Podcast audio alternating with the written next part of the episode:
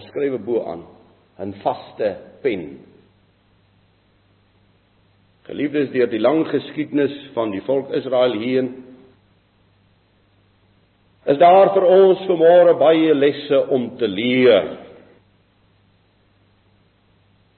En as ons dan in hierdie tyd waarin ons vir ons bevind 'n behoefte in ons hart kry dat ons na Jawe wil roep om genade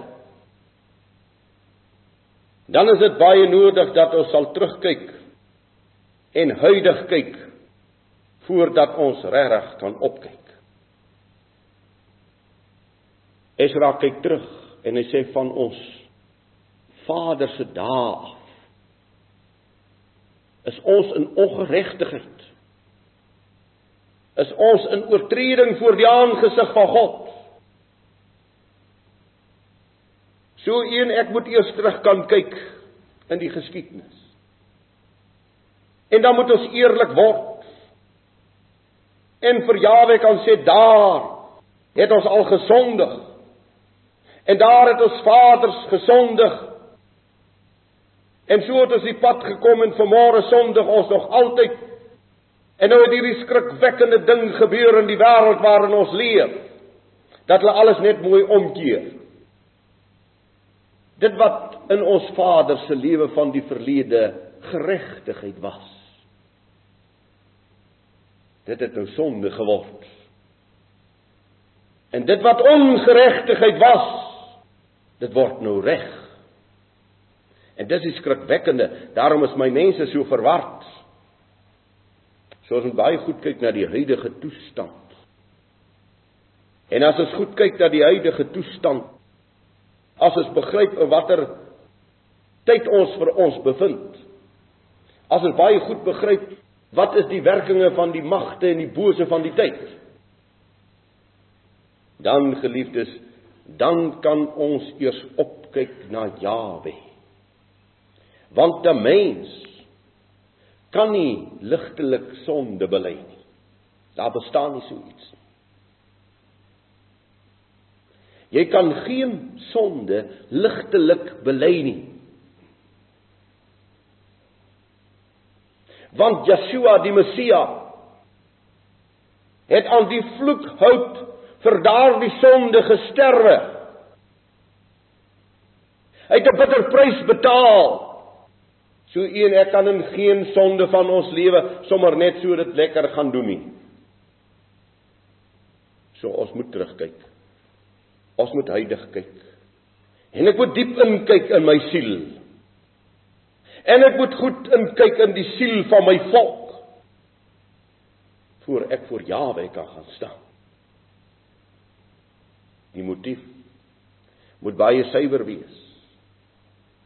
Die motief van sondebelydenis moet absoluut suiwer wees en geliefdes as u en ek sonde bely wat is die motief daarvan Kan maar 'n bietjie dink vanmôre, wat is die motief daarvan as ons sondes bely? My God, ek voel beskaamd en verleë om my aangesig tot U, my God, op te hef. Want ons ongeregtighede het oor ons hoof gegroei en ons skuld is hemelhoog. Hierdie man hierdie godsman Esra. Buigend sê hy vir Jawe, ek is verleë om my aangesig op te hef. Ek kan nie opkyk na U toe nie. Van wie die sonde skuld van sy volk. En daarom lees ek van hierdie man op die tyd van die aandoffer het ek opgestaan uit my verootmoediging. Terwyl ek my kleed en my mantel skeur en ek het op my knieë my gebuig en my hande uitgebrei na Jawe my God. Sondebelydenis is geen ligtelike saak nie. Voordat u en ek nie deur die Heilige Gees gebuig word dat ons harte voor ons Skepper sal skeur nie geliefdes.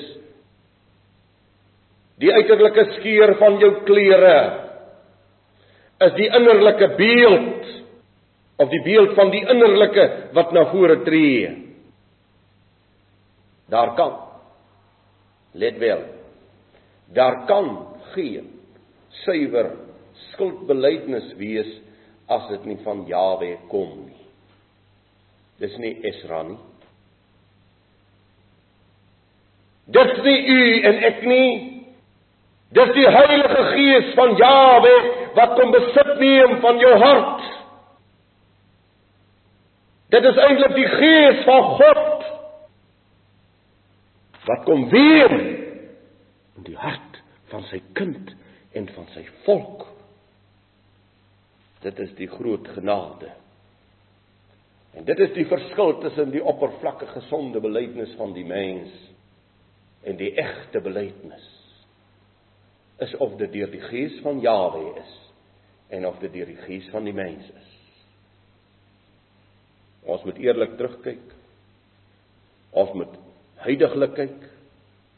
En geliefdes, dan moet daar geen verskansings en daar moet geen verskonings en daar moet geen selfregverdigings wees nie.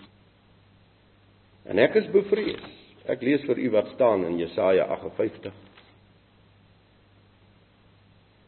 En ek is bevrees dat dis die tragedie waarmee ons sit wat ek nou lees. Wel, ek lees daarvan af vers 2. Wel soek hulle my dag vir dag en het 'n behaag in die kennis van my weë.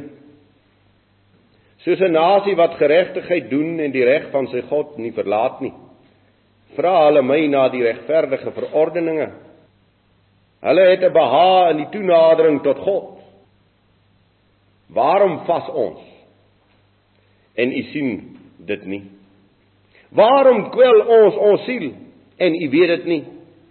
Kyk, op die dag as julle vas, soek julle geleentheid om sake te doen en julle jaag al julle arbeiders aan. Kyk, om te twis en te kyf vas julle en om te slaan met misdadige vuis. Julle vas nie nou om julle stem in die hoogte te laat hoor nie. Luister wat sê Jawe vir sy volk in die dae van Jesaja. Toe hierdie volk ook in angs en nood in die wêreld magte van sy tyd gestaan het en hulle na God toe roep, dan sê hy vir hulle: "Julle vas om te twis en te kyk." Is dit die vas wat ek verkies die dag as die mens sy siel gaan kwel, dat hy sy hoof buig soos 'n bissie en sak en as versprei om sy bed te wees? Noem jy dit vas? En 'n dag wat Jawe welgevallig is?